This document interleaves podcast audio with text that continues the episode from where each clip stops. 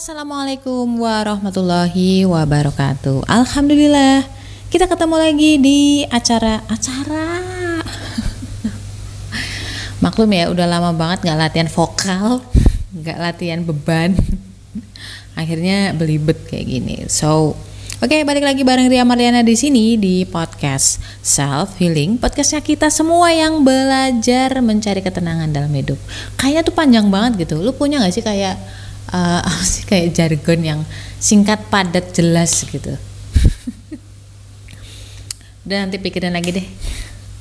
Oke, buat kali ini karena minggu lalu udah ngomongin tentang self healing atau sikap kita.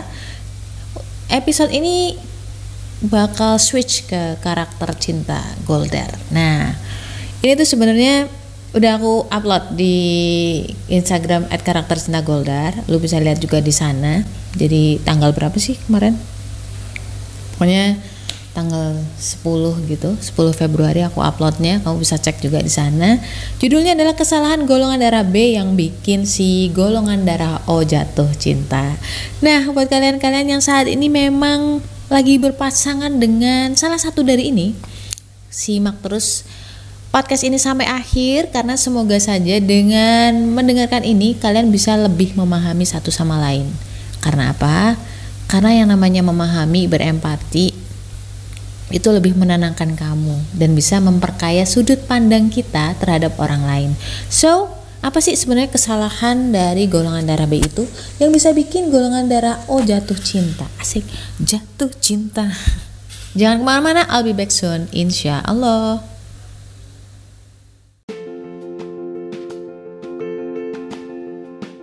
Pengen naklukin diri sendiri atau pengen naklukin hati golongan darah B, wajib banget baca. Jangan deketin golongan darah B sebelum miliki buku Beauty in Abyss ini tenang aja karena bahasanya tuh bukan yang ilmiah-ilmiah banget. Ada cerita, ada narasi tapi nggak sepanjang novel-novel drama atau sastra. Cuman 25 ribu. Link pembelian terlampir nih.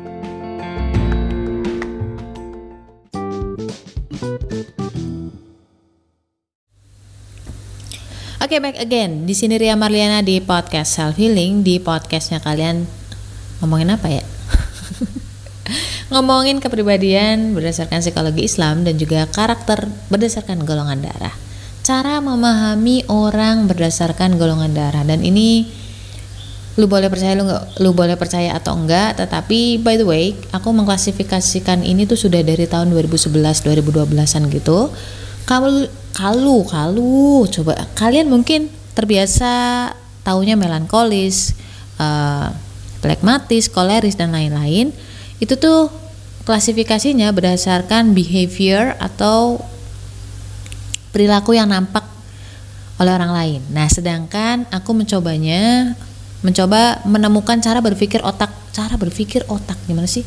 Cara berpikir manusia berdasarkan golongan darah. Jadi so that's why aku mengklasifikasi beh, mengklasifikasikannya berdasarkan golongan darah dan alhamdulillah buat diriku sendiri pun ini udah ngebantu banget dan semoga ini bisa ngebantu juga buat kalian untuk lebih berdamai dengan orang lain terutama banget ketika itu adalah ngomong sih? Terutama banget ketika lo udah berdamai dengan diri lo lo pasti insya Allah bisa berdamai dengan orang lain.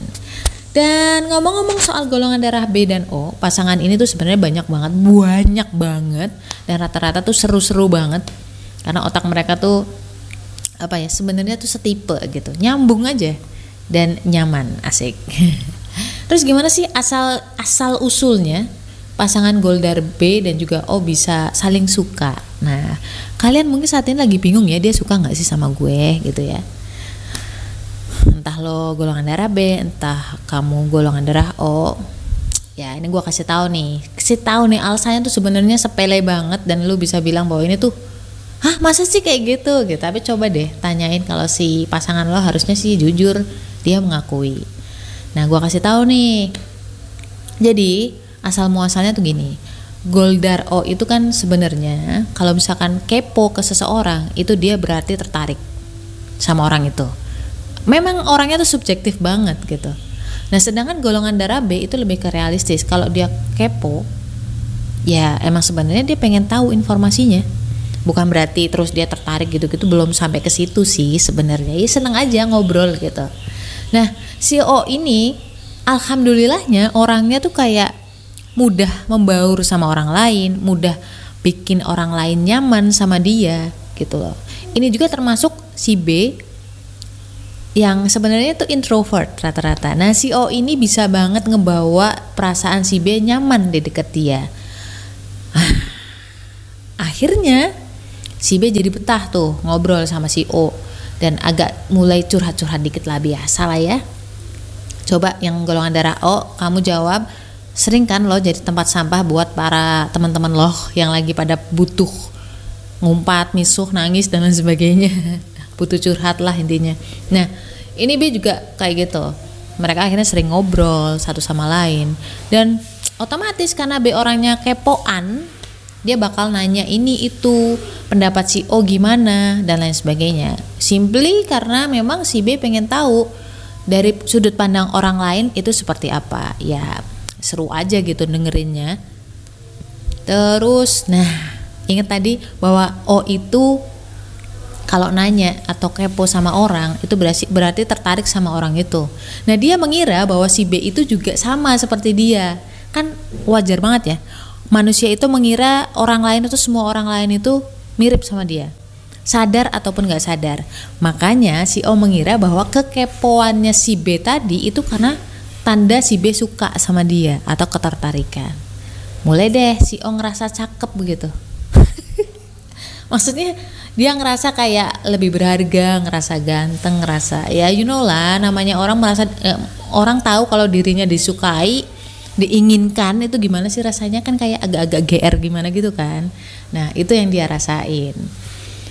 Tapi ini nggak berlaku buat orang-orang yang oh memang nggak suka ya. Jadi memang dia akan merasa seneng kalau dia juga suka sama si B itu. Kalau misalkan secara fisik dan kepribadian dia nggak suka ya nggak akan pernah lanjut gitu.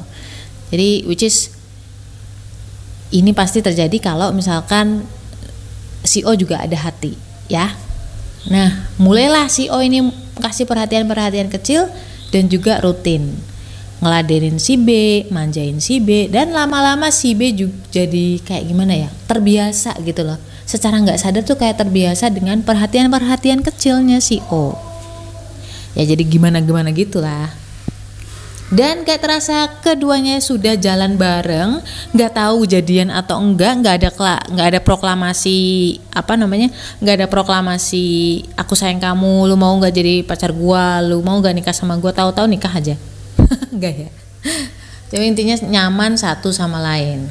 Walaupun ini ya walaupun sering banget ribut. Golongan darah ini sering banget ribut untuk hal-hal yang sebenarnya sepele guys. Sepele banget. Dan kayak sering ribut tapi nggak bisa pisah gitu loh. Kayak udah edik satu sama lain. Ya bener atau benar nah kira-kira kenapa sih atau hal-hal apa aja sih yang bikin ribut golongan darah B dan juga golongan darah O mungkin next time kita bisa bahas. Yang penting untuk episode kali ini aku udah nggak ngutang lagi. Aku udah share ke kalian gimana asal muasalnya si B dan O bisa bersatu. So gitu dulu. Insya Allah Next time aku bakal balik dengan episode untuk self healing atau berdamai dengan diri sendiri. Jangan ke mana-mana, jangan lupa follow podcast ini, Petkos podcast kali mbak, podcast self healing ini dan juga Instagram at karakter cinta Goldar. Kalau misalkan yang lebih personal ada di at Marliana 87 itu lebih ke psikologi Islam sih. Oke, okay? stay love and assalamualaikum warahmatullahi wabarakatuh.